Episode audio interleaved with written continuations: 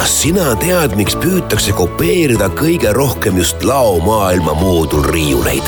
võin sulle öelda, miks.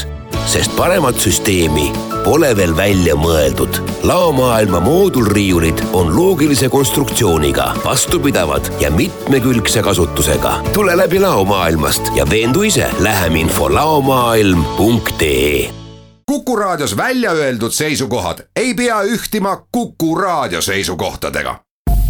Te kuulate Kuku Raadiot.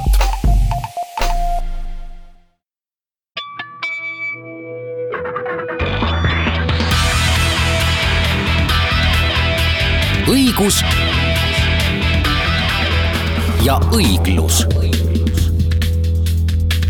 tere päevast palju on räägitud sellest, et kahekümne esimesel sajandil ehk sel sajandil, kus pea esimesed kakskümmend aastat oleme juba elanud, muutub ühiskond ja muutub töö ja et automatiseerimise tõttu paljud senised töökohad kas muutuvad või kaovad hoopis ära siis on räägitud sellest, et äh, seoses tehnoloogia kiire arenguga, äh, niinimetatud digitaalsed dividendid või siis kasu sellest, et äh, tekivad täitsa uutmoodi teenused, milles kasutatakse infotehnoloogiat ja internetti. et sealt saadavad suured kasumid koonduvad ühe kitsa inimeste grupi kätte, mistõttu süveneb kihistumine samal ajal on suurenenud mobiilsus, eriti nooremates põlvkondades ja heaoluühiskondades elavad inimesed on õppinud ja reisinud väga palju rohkem kui nende vanemad ja vanavanemad ja on ka täitsa tavaline, et õpitakse ja töötatakse vähemalt osa elust ka välismaal samal ajal jälle näeme ühiskonnas ka seda, millest siin nädala eest just juttu oli, et et äh, inimeste elu on mingit pidi ka raskem, sest et kui on rohkem vabadust, siis on rohkem ka vastutust ja mitte kõigile pole jõukohane mõelda, et vähemalt osa ebaõnnestumisi või viltu minekuid on iseenda süü. aga täna räägime kahekümne esimese sajandi tööst ja katsume arutada, kuivõrd on Eestis juba suhted muutunud kas ja kuidas saaksid meie seadused ja silmas pean siin maksuseadusi ja siis ka kõiki neid seadusi, mis käsitlevad hüvitisi, mida inimesed peaksid saama, näiteks töisest sissetulekust ilmajäämisel või muude taoliste olukordade puhul. Ja, ja ka muidugi töö turvalisust ja ohutust käsitlevad seadused, et kuivõrd need praegu vastavad praegustele nõudmistele ja veelgi enam tuleviku nõudmistele ja mida teha, et nad vastaks. selle pika sissejuhatuse järel tutvustan rõõmuga häid saatekülalisi. siin on sotsiaalministeeriumi tööala asekantsler Sten-Andreas Ehrlich, tere, tere.! ja Angeelika Sarapuu, minu hea kolleeg, õiguskantsleri kantselei sotsiaalsete õiguste osakonna vanemnõunik. tere! No nii, kui väga lühidalt peaks ütlema, et mis on kahekümne esimese sajandi töö ja mis on kahekümne esimese sajandi töötus võime öelda, et eh, kahekümne esimesel sajandil inimesed, vähemalt mingi osa inimestest, töötab eh, enamatel töökohtadel, ehm, vahetab töökohti sagedamini kui varem, liiguvad rohkem, võib-olla ka tegelevad märksa enamate aladega korraga mm. -hmm. Tuleviku töötus seisneb eh, selle peegelpildis. me näeme, et inimesed järjest sagedamini jäävad töötuks ning et töötuse ajal neil järjest rohkem on soov eh, töötada sellistel lühikestel tööotsadel, mis aitavad neil kuidagi püsida elus, hoida tööharjumist alles eh, ning samal ajal otsida ka, ka tööd edasi. ja sageli neil juba varasemast ajast on olemas eh, mõni selline suurem töökoht, mille nad on kaotanud, aga seal kõrval ka mõni väiksem töökoht mida nad ei ole kaotanud. ehk eh, tuleviku töötus, eh, selle all me võime ka mõelda eh, osalist töötust ja siit omalt poolt veel laiendaks, et nendele inimestele, kes minu tutvuskonnas on näiteks ajutiselt töise sissetuleku või selle oma põhitöökoha kaotanud mingil põhjusel. et siis mina olen ikka soovitanud, et mine ja õpi mõni uus amet, et näiteks Töötukassa pakub selleks tuge ja võimalusi. või siis on võimalik saada küllalt ka sellises vanemas eas, keskeas on võimalik saada kasvõi tasuta õppekohti kuskil, et õppida mingi uus kutse ja selle kaudu saada endale laiemad valikud, olgu see siis näiteks kondiitriamet või ekskavaatorijuht.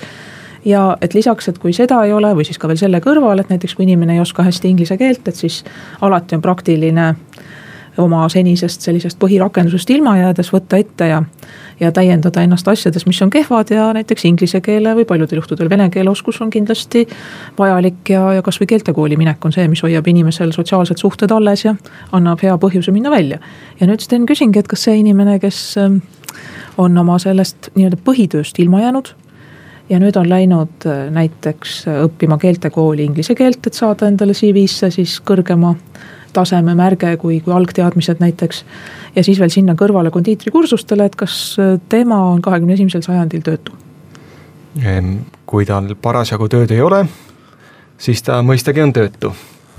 raskeks läheb küsimus siis, kui, kui näiteks meil on ametnik, kes töötab üheksast viieni, aga õhtuti on joogaõpetaja. kui tema kaotab oma ametniku töökoha, kas ta siis on töötu või mitte? Tänaste seaduste järgi ma ütleks, et ta töötu ei ole, sest ta on ju õhtuti joogaõpetaja. mis sellest, et see ei ole tema põhitöökoht mis sellest, et ta töötab väga vähe ning et tema sissetulek on väike. mina ütleksin, et tulevikus ta, ta kindlasti oleks töötu. ja kui ta on töötu, siis talle peaks ka laienema riigi poolt pakutav kaitse, see on ühelt poolt töötushüvitised, aga teisalt ka võimalus minna õppima näiteks inglise keelt ehm, või õppida kondiitriks, kui see aitab tal tööd paremini leida et Angeelika, sinu käest on käinud äh, läbi nüüd aastate vältel suur osa õiguskantsleri ametkonda jõudnud Äh, muredest ja siin hiljutigi oli meil ju üks näide, mhm. kus inimene tõesti äh, kaotaski oma põhitöökoha ja samal ajal, kuna ta oli ühe eriala väga hea ekspert, et me siin peame rääkima abstraktselt, sest et me oleme lubanud neile, kes meile kirjutavad, et me nende isikuandmeid ei avalda. ka mitte niiviisi, et siin väikses ühiskonnas võiks selle inimese ära tunda. et siis tema oli olnud ühes ministeeriumis äh, niisuguse lepinguga eksperdiks, et kui tekib vajadus tema asjatundja teadmiste järgi, et siis ta töötab mõne tunni ja saab vastavalt pisikest tasu. ja kui seda vajadust ei ole, näiteks kolm kuud järjest, siis leping kehtib, aga tasu ei saa. jah, täpselt nii see inimene siis eh, kirjutaski just nimelt sellise küsimusega, et et, et miks tema, kui ta oma põhitöö kaotas, et miks ta ei saa töötuna arvele võtta ja töötuskindlustushüvitist saada. et ometi oli ta ju töötuskindlustusmakseid maksnud nii, nagu, nagu seadus ette nägi. aga, aga praegu kehtiv seadus tõepoolest ei luba Eh, ei luba ühelgi juhul, kui inimesel on eh, kehtiv töövõtuleping või käsundusleping või mõni muu võlaõiguslik teenuse osutamise leping, ei luba tal, eh, tal ennast töötuna arvele võtta, ehk siis, ehk siis ta justkui eeldab, et, et sellel inimesel on olemas töö. ja see küsimus, et kas inimene tasu saab või ei saa või kui tihti või millal, et see pole üldse oluline. et selles näites tõepoolest oli niimoodi, et see tasu, mis siis selle nii-öelda ühe korra eest oli ette nähtud, oli tegelikult kuusteist eurot Äh, bruto, mis, mis, mis nagu väga hästi näitab, et see ei saa kuidagi olla inimese, äh, inimene, inimese töise, töine sissetulek. Äh, ja, ja see tõstatas selle laiema küsimuse üleüldse praegusest töötuskindlustuse süsteemist, et, et kas need need tingimused, mille kehtiv seadus ette näeb, et kas need on praegu ka sobivad ja asjakohased ja eriti arvestades siin seda äh, eelmise suve Riigikohtu lahendit, mis tegelikult ka rõhutas, et me peame vaatama seda, kas inimesel on äh, töine sissetulek alles või puudu ja, ja, ja kui see on puudu, et siis tuleb inimest mm, inimest äh, aidata äh, siis nii-öelda töötuskindlustushüvitisega, kui ta on neid makseid maksnud. et mitte lähtuda sellest, et kas inimene on parajasti mingi tegevusega hõivatud, ehk siis sellisest formaalsest kriteeriumist meile tundub, et tegelikult see ei ole ka majanduslikult eh, mõistlik, et me neile inimestele töötuskindlustuskaitset ei paku. sest inimesel on siis täpselt kaks varianti. üks variant on, et ta töötab edasi, saab väikest tasu, jääb ilma sotsiaalsest kaitsest, mida riik talle pakub. aga inimesed on ju kavalad ja nad leiavad eh, teise viisi, kuidas kaitset saada ja sageli nad kas taotlevad osalist või puuduvat töövõimet lähevad ennetähtaegselt vanaduspensionile või, või kolivad välismaale. ja kui me räägime sellest, et meil on tööjõupuudus, siis nendest rühmadest inimeste tööturule tagasitoomine on märksa kallim kui inimese eh, töötuna hoidmine ning talle eh, töötushüvitiste maksmine, sest sellisel juhul inimene otsib aktiivselt tööd ja seda pidevalt. teine variant on, et eh, see inimene lihtsalt loobub oma kõrvaltööst, et ta ongi täiskohaga töötu aga vot see ei ole ka kellelegi kasulik, kui, kui inimesed, kes põhimõtteliselt võiksid töötada, ehm, jätavad selle tegemata, sest regulatsioon on piirav. vot minule meeldib teadagi väga, kui ka õigusteaduses ja meie seaduse tekstides kasutatakse sõnu ja mõisteid selles tähenduses, mis tavaloogikaga ja inimeste tavapärase kogemusega kokku käivad. ja siis, kui kui me Angeelikaga ja ka majas laiemalt arutasime, ajal, mil siis Angeelika oli selle väga hea teksti põhiautor, pöördusime Riigikohtusse, et äriühingute juhatuse liikmed, kes ei saa juhatuse liikmena tasu aga kes olid kaotanud oma põhitöökoha ja kelle eest oli makstud täismahus töötuskindlustusmakseid. et nemad siis töise sissetuleku kaotamisel ikkagi mm, saaksid õiglaselt välja teenitud töötuskindlustushüvitist. et ühesõnaga seal riigikohus Angeelika ja meie ametkonna argumentidega nõustus ja, ja väga hea meel on selle lahendi üle ja ju see on ka siin sotsiaalministeeriumi töödele üheks oluliseks eh, tõukeks. aga juba tookord me arutasime majas väga tõsiselt selle üle, et et see töötu mõiste justkui oleks pärit sellest ajast, kus enamik inimesi käiski kella kaheksast või üheksast viie või kuueni või kui oli vahetustega liinitöö või kaevandustöö näiteks või meditsiinitöö. et siis vastavalt sellele oma vahetuses äh, käisid tööl, et see oli üks väga kindel asi, et see oli üks osa sinu identiteedist. et sul oli üks elukoht, siis sul oli perekondlik identiteet ja noh, et oli tema või isa või kellegi laps või, või nii ja siis, et olid äh, siis ühel töökohal töötaja, inimesed töötasid väga pikka aega ühes ettevõttes või asutuses. ja, ja kõik oli nagu selge ja siis, kui sealt mingil põhjusel, et kas see siis oli tervis või kellelgi oli viinaviga või. või tõepoolest oligi vaja see asutus kinni panna, noh siis võis juhtuda, et inimene on töötu et see nüüd on sõltumata sellest, kas see oli ENSV või oli see Soome Vabariik, et noh, põhimõtteliselt siis sa said aru, kes see töötu on aga minul just hakkaski tekkima küsimus, et kas me ei peakski vaatama nüüd tulevikus neid hüvitisi ja sotsiaalset turvavõrku kindlustuspõhiselt. et just nimelt, et ei kindlustata mitte tööd kui sellist, sest et tegulas, tegusal inimesel on alati tööd, iseküsimus on, et kas selle eest keegi maksab. vaid et pigem võib-olla see kahekümne esimese sajandi töötus saabki olema oluliselt kitsam mõiste, et ehk siis see on midagi. noh, see on see olukord, kus inimene on noh, sattunud väga suurde hätta, kus tal on kas juba tekkinud tugev depressioon või tugevalt on noh, tekkinud väljajäetus, et ta lihtsalt ei ei lähegi hommikul välja, et ta ei lähe sinna keelekursustele, ega ta ei otsigi enam tööd, et vaata, see on minu meelest töötu. aga siis võiks olla terve hulk kindlustatuid, kes sarnaselt juhtumiga, kui sul reisil seljakott ära varastatakse, saab hüvitist. nii kaua, kui seda enam tarvis pole et Sten, kas te olete selle peale mõelnud või selle töötu mõiste ja töötuna registreerimise eh, noh, see paradigma, et see on ikkagi nii juurdunud, et sellest praegu lahti ei saa või äkki polegi vaja saada?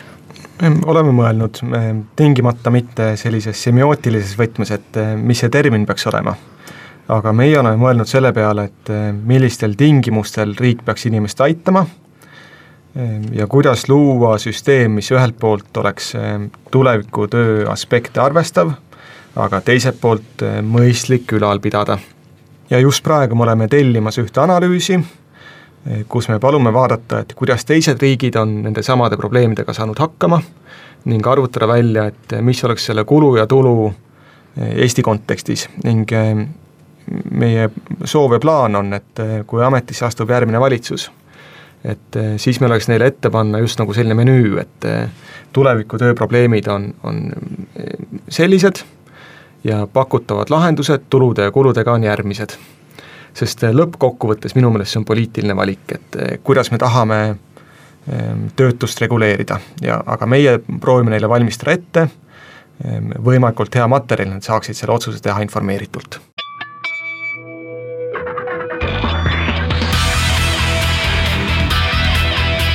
õigus ja õiglus jätkame saadet, räägime täna kahekümne esimese sajandi tööst ja veelgi enam sellest, kes on kahekümne esimesel sajandil tööl, kes on tööta ja milliseid hüvitisi saaks või võiks või peaks inimesed saama, kui nad on kindlustusmakseid tasunud. nagu ikka, oleme Kuku mikrofonide taga kolmekesi. hea kolleeg õiguskantsleri kantseleist, vanemnõunik Angeelika Sarapuu, sotsiaalministeeriumi tööala asekantsler Sten-Andres Ehrlich ja õiguskantsler Ülle Madise aga kui vaataks nüüd korraks äh, meie olukorrale äh, statistilise pilguga, et eks see ole ju ka jällegi üks kahekümne esimese sajandi näitaja, et neid andmeid teada saada.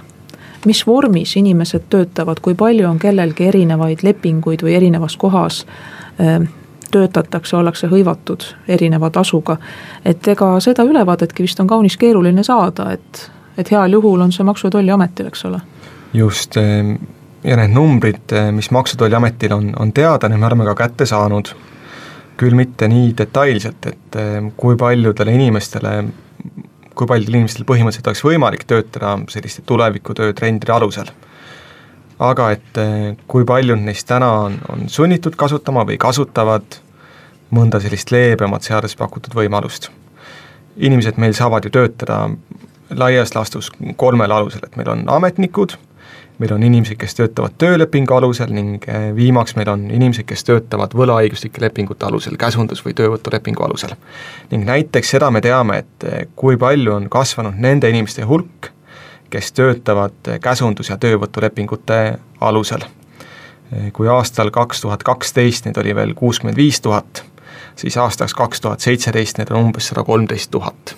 Nii et peaaegu kahekordne tõus on, on siin olnud. aga vahepeal tuli ju ka töötajate registreerimise kohustus selleks, et ümbrikupalku vältida, eks ole? just, ja, ja seda me siin statistikas ka näeme, et aastaks kaks tuhat viisteist oli see kuuekümne viielt tuhandelt tõusnud üheksakümne kolmele tuhandele -hmm. aga sealt ka edasi, kahe aastaga on, on inimeste hulk kasvanud kahekümne tuhande võrra.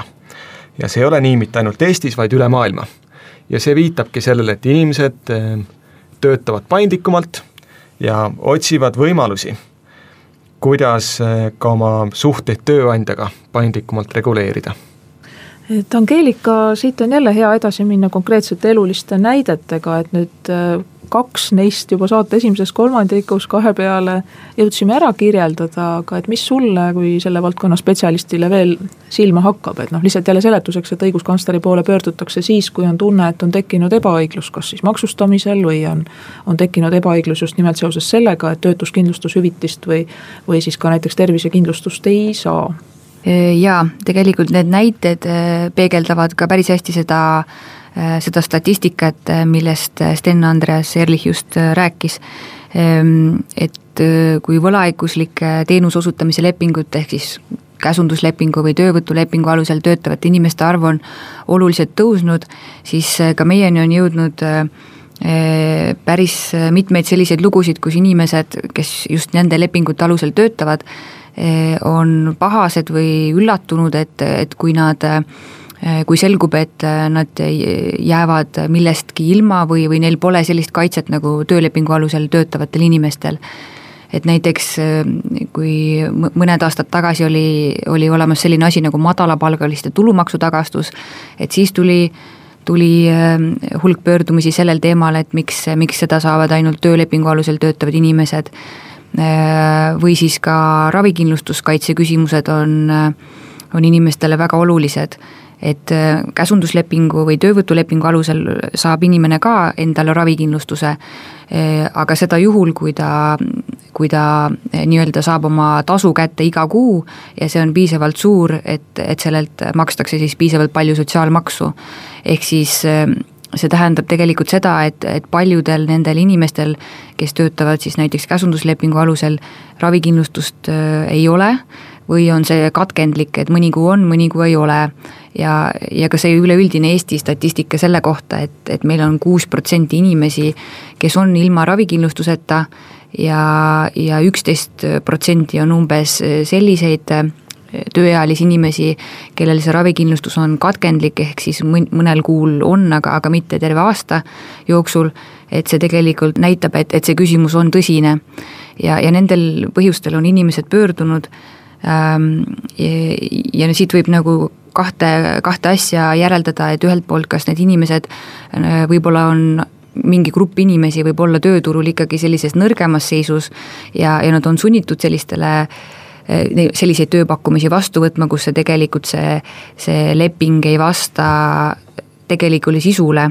et kui me näeme, et et seal, et ikkagi pigem see, see, see, see lugu, mida inimene kirjeldab, et see meenutab rohkem sellist klassikalist alluvussuhet, kus inimesel endal pole väga otsustusõigust tööaja ja koha valikul ja, ja tööandja annab juhiseid, kontrollib, teeb järelevalvet, et siis me räägime inimestele ka võimalustest, et kuidas oma õigusi kaitsta, et siis kuhu pöörduda, et näiteks kohtusse või töövaidluskomisjoni. Aga, aga võib olla loomulikult ka mingi hulk inimesi, kes kes tegelikult nii-öelda sõnades tundub, et inimesed tahavad rohkem vastutust praegu ja iseseisvust, aga, aga nad võib-olla ei mõtle, et kui see hetk nüüd kätte jõuab, et nad millestki ilma on jäänud või nad peavad ise endale korraldama öö, oma puhkuse või, või vastutama oma tööaja eest või ka tervise eest, et ka näiteks selline kaasus on läbi käinud, et et inimene töötas, töötas ja, ja sai, sai tervisekahjustuse ja kui selgus, et seda ei saanudki tööõnnetuseks lugeda, siis oli, oli ta päris õnnetu, et. aga miks seda ei saanud seal lugeda, et see oli jälle tema tema töövõtu, töövõtulepingu alusel ta töötas. aa, aga et äkki räägite siin, et see asi ei jääks liiga keeruliseks, sest et paljud ilmselt ei ole selle praeguse töösuhete vormide paljususega mm -hmm. päris täpselt kursis. et öelge nüüd, et mis seal vahet on, et kas sul on tööleping, sul on töövõtuleping või sul on käsundusleping? No äh, töölepingu ja nende kahe teise lepingu vahe seisnebki peamiselt selles, et et kui töölepingu puhul eeldatakse, et see töötaja on nõrgem pool ja siis seadus tagab talle väga tugeva kaitse, äh, ehk siis töötingimusi Eh, töötingimuste eest vastutab siis laias laastus eh, tööandja. eh, ja sellisele suhtele on just iseloomulik see, et, et, et miks see töötaja on nõrgem pool, ta on sellepärast nõrgem pool, et, et, et tema allub äh, igas mõttes siis tööandjale, et tal on iseseisvust väga vähe. Aga nüüd need teised kaks lepingut, käsundusleping ja töövõtuleping, et ähm, seal on pooled eelduslikult siis võrdsed lepingupartnerid ja lepivad ise kokku kõiges äh, ja kuna nad saavad nii-öelda kõiges kokku leppida ja peaksid olema võrdsed, siis see tähendab seda, et see töö tegija peaks ise saama endale korraldada oma puhkuse, vastutada oma tervise eest, küsida sellist tasu, mis võimaldab tal enda sotsiaalne kaitse ära korraldada ja nii edasi. Aga, aga jah, sageli see lepingu pealkiri ei vasta tegelikkusele ja siis tuleb Tööinspektsioon ja kvalifitseerib selle ümber, et ja, mis jällegi on ka meilt läbi käinud, et noh, eriti kui näiteks tegemist on lastega, et siis. et siis ei taha ju neil ka päriselt igasugust töötamist ja selle eest pisikese tasu saamist keelata, aga noh, samas jällegi töölepingut sõlmida ei saa. aga nüüd äh, veel nende lepinguvormide juures, et äh, et selle sa, Angeelika, mainisid ära, et kui on tegemist töölepinguga, et siis äh, sul on seal töötervishoiualane kaitse ja siis on, on sinu ohutuse kaitse ja sul on ette nähtud puhkus ja sul on kaitse vallandamise eest äh, ja nii edasi ja sealt makstakse ka kõik maksud, eks ole, et peetakse kinni sotsiaalmaks ja sellest samast äh, noh, sotsiaalmaksust ju ravikindlustust ka osaliselt rahastatakse, et sinu eest tasutakse töötuskindlustuse makseid, nii et kui juhtub, et sinu tööandja läheb pankrotti või peab oma oma tegevust koomale tõmbama ja sind koondatakse näiteks eh, või lihtsalt enam ei vajata, sest et muudetakse tegevusala, et, et siis sa saad töötuskindlustushüvitist ja abi uue töö otsimiseks. Nüüd, kui on käsundusleping, et siis eh, on ju ka maksurežiim teine. jah, ja kõige, kõige teravamalt puudutabki seda ravikindlustust, et töötuskindlustusmakseid makstakse ka äh, Äh, ka käsunduslepingu pealt näiteks, äh, aga äh, sellega saab nii-öelda endale seda töötuskindlustusstaaži tekitada, mis pärast mm -hmm. annab õigushüvitisele. küll aga võib seal probleemiks olla see, et see et see hilisem, hiljem saadav töötuskindlustushüvitis on lihtsalt niivõrd väike, et, ta ei arvestades, et need summad on võib-olla ebaregulaarsed, mida, mida näiteks käsunduslepingu alusel saadakse ja pigem väikesed. Aga ravikindlustuskaitse on kõige aktuaalsem probleem, et, et sotsiaalmaksu makstakse eh, küll, käsunduslepingu ja töövõtulepingu pealt ka, aga kui nüüd eh, töölepingute puhul eh, on riik ette näinud, et inimene juba selle töölepingu sõlmimisega põhimõtteliselt mõne aja möödudes siis saab endale ravikindlustuskaitse, siis käsunduslepingu ja töövõtulepingu puhul tuleb, riik kontrollib siis iga kuu, et kas on makstud piisavalt Äh, sotsiaalmaksu või mitte. Äh, ja näiteks üks probleem, mis vabakutseliste jaoks on, on terav, on see, et et äh, võib-olla see käsundusleping ei anna see ei garanteeri neile tasu iga kuu, vaid, vaid näiteks kord aastas või kaks korda aastas mingi, mingi suurema summa. ja, ja nad küsivad, et, et kui see, see summa on päris suur ja riigile makstud sotsiaalmaks on ka suur, et miks ei saa seda, saa seda aasta peale siis nii-öelda ära hajutada ja niimoodi endale kaitset tagada. et selline küsimus on üleval olnud. Sten, miks ei saa? mitte, et no, sina selles süüdi oleks, sa oled ametis väga lühikest aega, aga et sa oskad seda seletada. Jah, eks äh, siin küsimusi on, on võib-olla kaks, üks on see, et äh, kas me suudame riigina prognoosida, et äh, millised on meie tulud ja, ja sellest lähtuvalt ka teha enda plaane, kui maksed ei ole mitte regulaarsed, vaid iga kuu muutuvad. ja teine küsimus on solidaarses kas äkki me võtame sellega riski, kui me lubame mõnel inimesel kes saab sissemakseid üksnes mõne korra aastas, olla kindlustatud läbi kogu aasta. Ehm, aga ma olen nõus, et, et see on, on probleem, seda tuleb arutada. ja eh, minu teada ka Vabariigi Valitsus on, tahab seda võtta arutluse alla, võib-olla juba nüüd juulis. samuti markeerin ära, et tegelikult Sotsiaalministeerium on üldse analüüsimas, et kellele tuleks tagada ravikindlustuskaitset Eh, nagu Angeelika varem ütles, kuus protsenti Eesti elanikkonnast on ilma ravikindlustuskaitseta, samal ajal neid erandeid, et eh, kellele me pakume solidaarselt ravikindlustuskaitset, on juba päris palju. ning küsimuse all on, et kas äkki me peaksime looma täiesti universaalse ravikindlustuse, kus eh, kõigil on, on, on kindlustuskaitse olemas. ühelt poolt see jätab ära need probleemid, millest me praegu rääkisime, teiselt poolt eh, see vähendaks inimeste ajendit maksta makse, sest eh, üks suur maksude maksmise põhjus on ju selles, et eh, sellega inimene saab ravikindlustuskaitse. ja kogub ka tegelikult pensioniks ja inimesed, kellel on juba rohkem elukogemust ja võib-olla mõnikord on mõni töösuhe ka ootamatult lõppenud, et siis ikkagi noh, see on päris tähtis, et sul on olemas see dokumenteeritud minevik, sinu eest on makstud makse. ja et sul on see turvavõrk, mis on ette nähtud selle püsiva ja selge töösuhtega, et see on sul olemas, nii et. aga jällegi jah, noored, kes tööturule tulevad ja võib-olla ei vajagi veel arstiabi nii sageli ja ei oska ka ette kujutada, et, et neid võiks see puudutada, et sissetulek ära kaob, et siis ju saavad vanemad toetada, eks ole, või, või saad kiiresti uue töö. et siis võib-olla nemad tõesti ei peagi äh, niisugust selget äh, vormi ja, ja seda, et oleksid kõik maksud makstud äh, niivõrd oluliseks. oota, aga minu meelest siin üks lahendus, millest väga palju ei räägita, on, et tegelikult me saaksime ka muuta enda tööõiguse paindlikumaks. täna väga sageli kasutatakse neid võlaõiguslikke lepinguid, käsundus- ja töövõtulepingut, sellepärast et meie töölepingu seadus on, on liiga range mõnes kohas. näiteks meie seadused lubavad sõlmida kõigest kaks tähtajalist töölepingut järjest. aga mõne ameti puhul on paratamatu, et eh, sõlmitakse tähtajalisi lepinguid ning seda tihemini.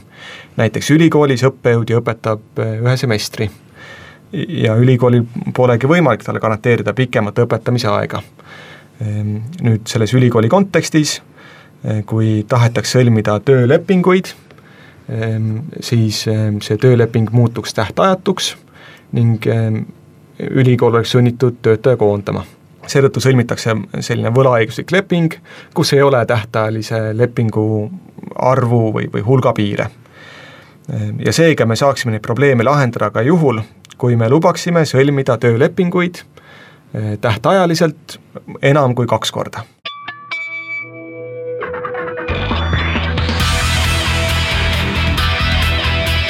õigus ja õiglus.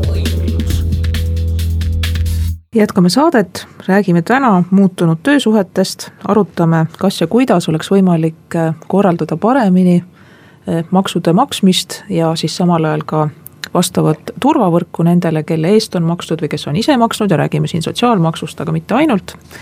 ja oleme stuudios kolmekesi, Sotsiaalministeeriumi tööala asekantsler Sten-Andreas Ehrlich, õiguskantsleri vanemnõunik Angeelika Sarapuu ja õiguskantsler Ülle Madise et nüüd jälle vahelduseks võtta ette natukene lugusid sellele juurajutule, et siis eh, kuivõrd te olete mõlemad, ma tean, päris põhjalikult nii teoreetiliselt kui praktiliselt kahekümne esimese sajandi tööteemadega kursis.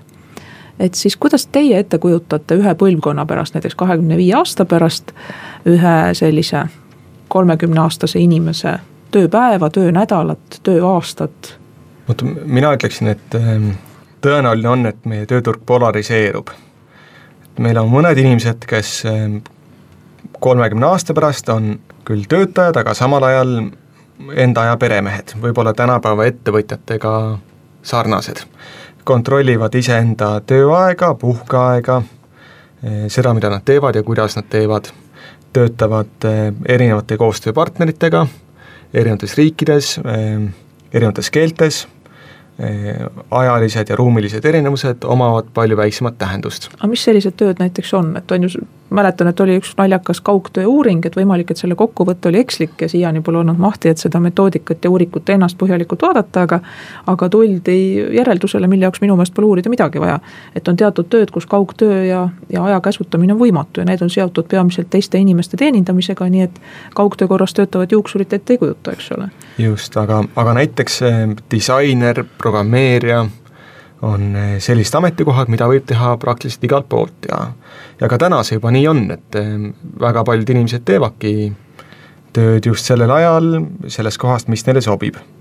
aga teine pool on, et eh, meil paratamatult jäävad alles ka inimesed, kes teevad tööd, nagu nad tänasti teevad ja võib-olla nende positsioon tööturul veel muutub halvemaks, sellepärast et osa töökohti automatiseeritakse ning kui töökoha hind läheb liiga kalliks, hakatakse küsima liiga palju palka, siis eh, ka see töökoht automatiseeritakse ära.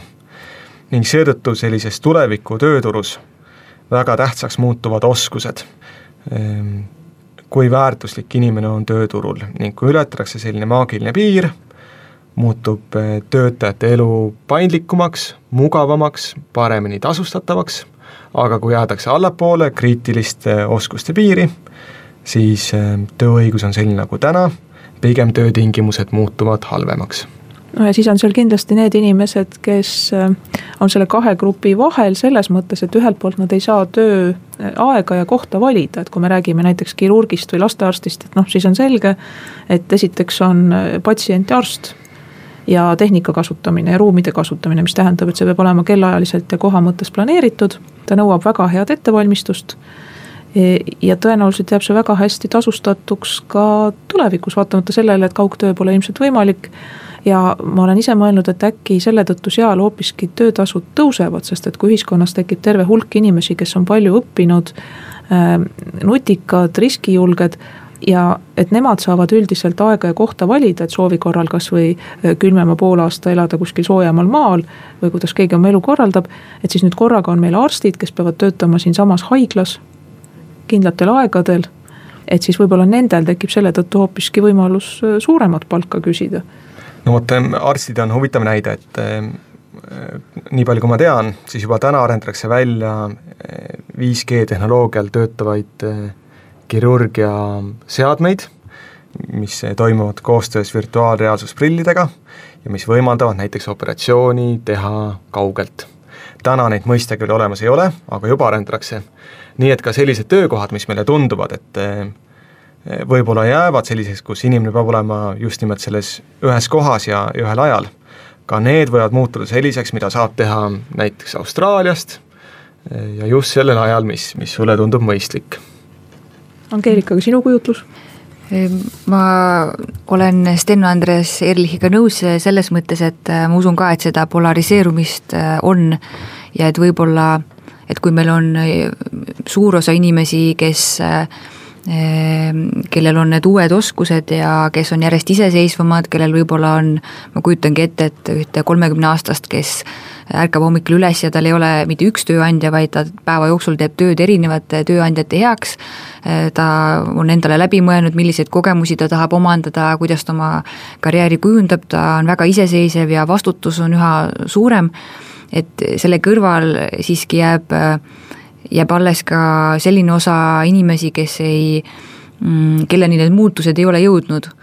ehk siis, ähm, ehk siis on vaja tööõigust kindlasti palju paindlikumaks muuta, et need nii-öelda ähm, inimesed, kes nii-öelda tulevikutööd äh, teha tahavad, et nende, et nad ei peaks valima mingeid kõrvalisi teid, vaid saaksidki ikkagi kasutada, sõlmida töölepinguid ja, ja et see seadus kuidagi ei piiraks või ei takistaks neid, aga, aga siis võib-olla mingi osa inimestest, kes vajab seda tööõiguslikku kaitset ikkagi päris palju, et võib-olla on tulevikus tekkimas selline mitmetasandiline tööõigus aa, et siis nendele, kes võtavad rohkem vastutust ja on valmis sellise, noh, mulle tundub ka, et küllaltki mhm. stressirikka eluga tõenäoliselt, et sa pead ise hommikul oma distsipliini panema paika, noh, kellel on kooliealised lapsed, on see ilmselt lihtsam, aga et, et igal juhul sa pead olema distsiplineeritud, sa pead ise otsustama, millisest tööst sa täna alustad, et kas sa, kas sa kirjutad programmi koodi sellele firmale, kas sa teed disainlahendust tollele või sa hoopis teed kiiresti ära oma väikse tööotsa, et keegi palus sul näiteks Vikipeedia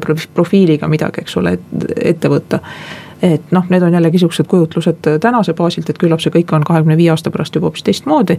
aga et noh, ikkagi mulle tundub, et see nõuab distsipliini, pidevat kombineerimist.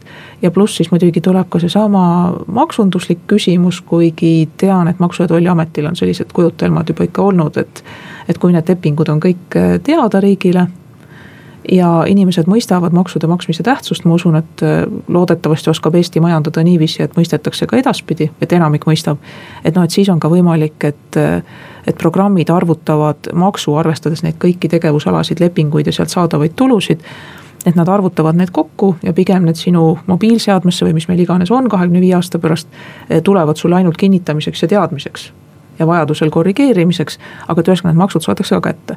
aga et siis tõesti jääb hulk inimesi, kes ikkagi vajaksid seda nii-öelda korsetti, et, et oleks äh, keegi teine, kes annaks ette sulle töö tegemise aja, koha, eesmärgi, tulemuse, peaks maksud kinni ja kannaks sinu kontole või mis iganes meil kahekümne viie aasta pärast on, et kannaks siis üle see, need vahendid, mida sina saad oma elu korraldamiseks kasutada just ja, ja võib-olla ka, et erinevatel majandusharudel on erinevad kokkulepped. ma kujutan ette, näiteks IT-valdkonnas eh, puhke ja, ja valve ajal on, on hoopis teistsugune tähendus kui meditsiinisektoris. täna me reguleerime mõlemat sektorit ühtemoodi, aga võib ka kujutada ette, et me saavutaksime paremaid tulemusi, kui meil on eraldi tööseadused või, või võib-olla kollektiivlepingud erinevates majandusharudes Äh, jah, äh, ka mina olen sellega nõus.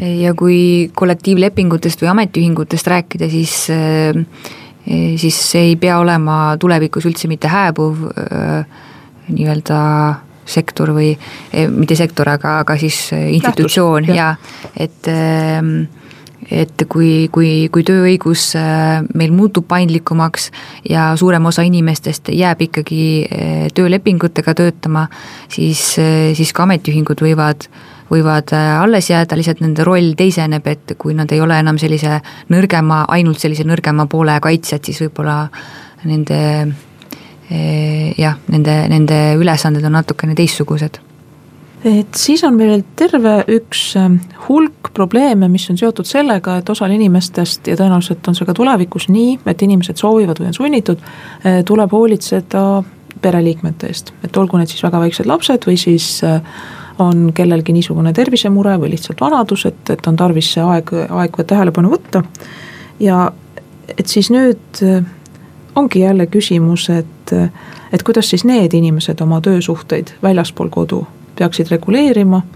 et kuidasmoodi peaks ühiskond vaatama sellisele samuti ühiskonnale vajalikule tööle, mis mitmeski riigis on tegelikult eh, lahti seotud perekonnaliikmetest et kas siin tuleks midagi seadustes muuta ja siis on veel teine grupp, mis on ka meile jõudnud, on need nii-öelda piiriülesed juhtumid. et kus eh, meie praegused seadused ja sotsiaalsed turvavõrgu konstruktsioon ei arvesta seda, et inimene võib töötada osa ajast väljaspool ja samal ajal siis võibki olla, et on kaks inimest kõrvuti, üks töötas kogu aeg Eestis, teine osa ajast väljaspool. mõlemad panustasid Eesti maksusüsteemi ühepalju ja ühtemoodi, aga pärast siis, kui häda käes, et siis on äh, toetused erinevad. mis nende juhtumitega teha? vot sellest esimesest juhtumist, äh, need inimesed, kellel on hoolduskoormus mm, -hmm. siin äh, riigi roll kindlasti on pakkuda võimalust, et neile, kes täna hooldavad kasutada riigiabi, et kui nad soovivad, nad saaksid tulla tööturule. me kindlasti ei saa sundida kedagi töötama. sageli võivad inimesed tahta olla kodus ja hoolitseda enda perekonnaliikmete eest. kuidas seda võimalust pakkuda? üks osa riigi rollist ja mis Eestis täna on probleemne, on osaajaga töötamine. sageli need inimesed lihtsalt ei saa töötada täisajaga või, või täiskohaga, aga Eestis osaajaga töötamine pole kuigi levinud kui Euroopa Liidus keskmiselt üheksateist protsenti hõivatutest töötavad osaajaga, siis Eestis see on kõigest kümme protsenti. no näiteks Hollandis umbes pooled inimestest töötavad osaajaga. aga miks see nii on? ja siin osa põhjustest on meie regulatsioonis mm, -hmm. maksuküsimused, seesama sotsiaalmaksu miinimum, et kas saad ravikindlustuse või mitte, kui sa maksad teatud määral makse, aga osa kindlasti ka on, on suhtumisküsimused. Et kuivõrd me oleme harjunud sellega, et inimesed töötavad osaajaga, sest tööandja jaoks on ju tegelikult täiendav koormus, selle asemel, et leida üht inimest, kellega sõlmida leping, kelle eest vastutada, keda juhendada, keda õpetada välja, tuleb leida kaks inimest. Aga ma usun, et me kindlasti oleme siin eh, tõusuteel, et järjest rohkem inimesi töötab osaajaga. ja kindlasti Sotsiaalministeeriumis me püüame ka soodustada seda, et et inimestel oleks võimalikult palju võimalusi töötada osaajaga jaa, ma lisaksin siia ainult seda, et veel eh, see, see osaajaga töötamise regulatsiooni ja, ja maksustamise võib-olla muutmine, et sellega koos peab käima ka üks teine suur teema, et mis õiguskantsleri laual ka, ka väga aktuaalne on, et on need sotsiaalteenused, et, et siis kui kui see praegu kodus olev lähedast hooldav inimene soovib tööle minna, et siis peab olema siis mingisugune sotsiaalteenus, ühesõnaga keegi teine on see isiklik abistaja või hooldaja, et kes siis, kes siis on sel ajal kodus ja, ja aitab selle, selle ülesande ära teha mis neid piiriüleseid asju puudutab, siis äh, tõepoolest neid jõuab äh, viimasel ajal äh, järjest sagedamini, et palju on selliseid praktilisi küsimusi, et hetkel need asjad võtavad väga kaua aega, et kui inimene on töötanud mõnes Euroopa Liidu riigis, kuigi meil on Euroopa Liidu ülesed õigusaktid, mis seda sotsiaalkindlustust koordineerivad ja peaksid tagama selle, et inimestele ei teki negatiivseid tagajärgi sellega seoses, et nad, et nad liiguvad Euroopa Liidus, et siis need asjad võtavad ikkagi väga kaua aega, et inimene oma töövõimetoetuse või töötuskindlustushüvitise kätte saaks. ja, ja nüüd ühe juhtumiga seoses tuli, ähm, tuli tõepoolest välja, et äh, inimene oli töötanud äh, algul Eestis, siis Soomes ja siis uuesti Eestis, et äh, selgus, et, et see Eesti riigi kehtestatud valem, et kuidas siis töötuskindlustushüvitise suurust Eestis arvutatakse, on selline, et, et inimesel oleks targem nii-öelda mitte vahepeal välismaale minna ja õigemini mitte siis Euroopasse minna ja tööd, olla siis sel ajal kodus ilma tööta või siis minna Euroopa Liidust väljaspoole, et siis võiks ta hüvitis olla suurem. aga et selle küsimuse on Riigikogu Sotsiaalkomisjon ja ministeerium lubanud, et nad, et nad lahendavad jah, see on meil laual, siin üks aspekt küll on veel, et eh, samal ajal me peame võtma ka arvesse seda, et kui palju inimesed on panustanud meie kindlustussüsteemi, see on ju ometigi kindlustussüsteem. ja nüüd kujutame ette olukorda, kus inimene on, on äsja kolinud Eestisse, võib-olla siin maksnud eh, või, või töötanud kaks kuud, võib-olla see polegi päris töökoht, vaid keegi tema tuttav või sõber on talle selle töökoha loonud ning siis võtab ennast töötuna arvele me ei tahaks tekitada olukorda, kus eh, nii saab riiki petta ning selle kahe nädala pealt saada endale aastaks eh, väga kõrge sissetulek meie kõigi teiste kulul. nii et see on see raskuskoht, et ühelt poolt me tahame küll paindlikkust, lihtsustada inimeste elu, aga teiselt poolt me tahame ka, ka kaitsta kõiki teisi väärkasutuste eest aga jah, siin me oleme praegu otsimas lahendust, et eh, kuidas neid kahte huvi mõistlikul viisil tasakaalu ajada. vot see ongi väga hea, et sa selle kuritarvituste vältimise aspekti ka välja tõid, aga meie elame siiski usus, et meie suurepärased registrid ja asjaolu, et enamik inimesi on ausad, et ehk siis tahavad eh, olla enda ja teiste silmis väärikad ja lugupidamist pälvida, et eh, et siin tuleb tõesti leida mõistlik tasakaal, aga täna tuleb meil selles kohas punkt panna usun, et suutsime pisut sellesse keerulisse teemasse eh, võimaldada sisse vaadata ja Sten Andrese ja siis Sotsiaalministeeriumi juhtiva ministri, see on vist tööminister. Riina Sikkut. just, et eh, siis nende eestvedamisel küllap need probleemid hakkavad lahenema. suur tänu kuulamast, aitäh Angeelika Sarapuu ja Sten Andres Erlich saatesse tulemast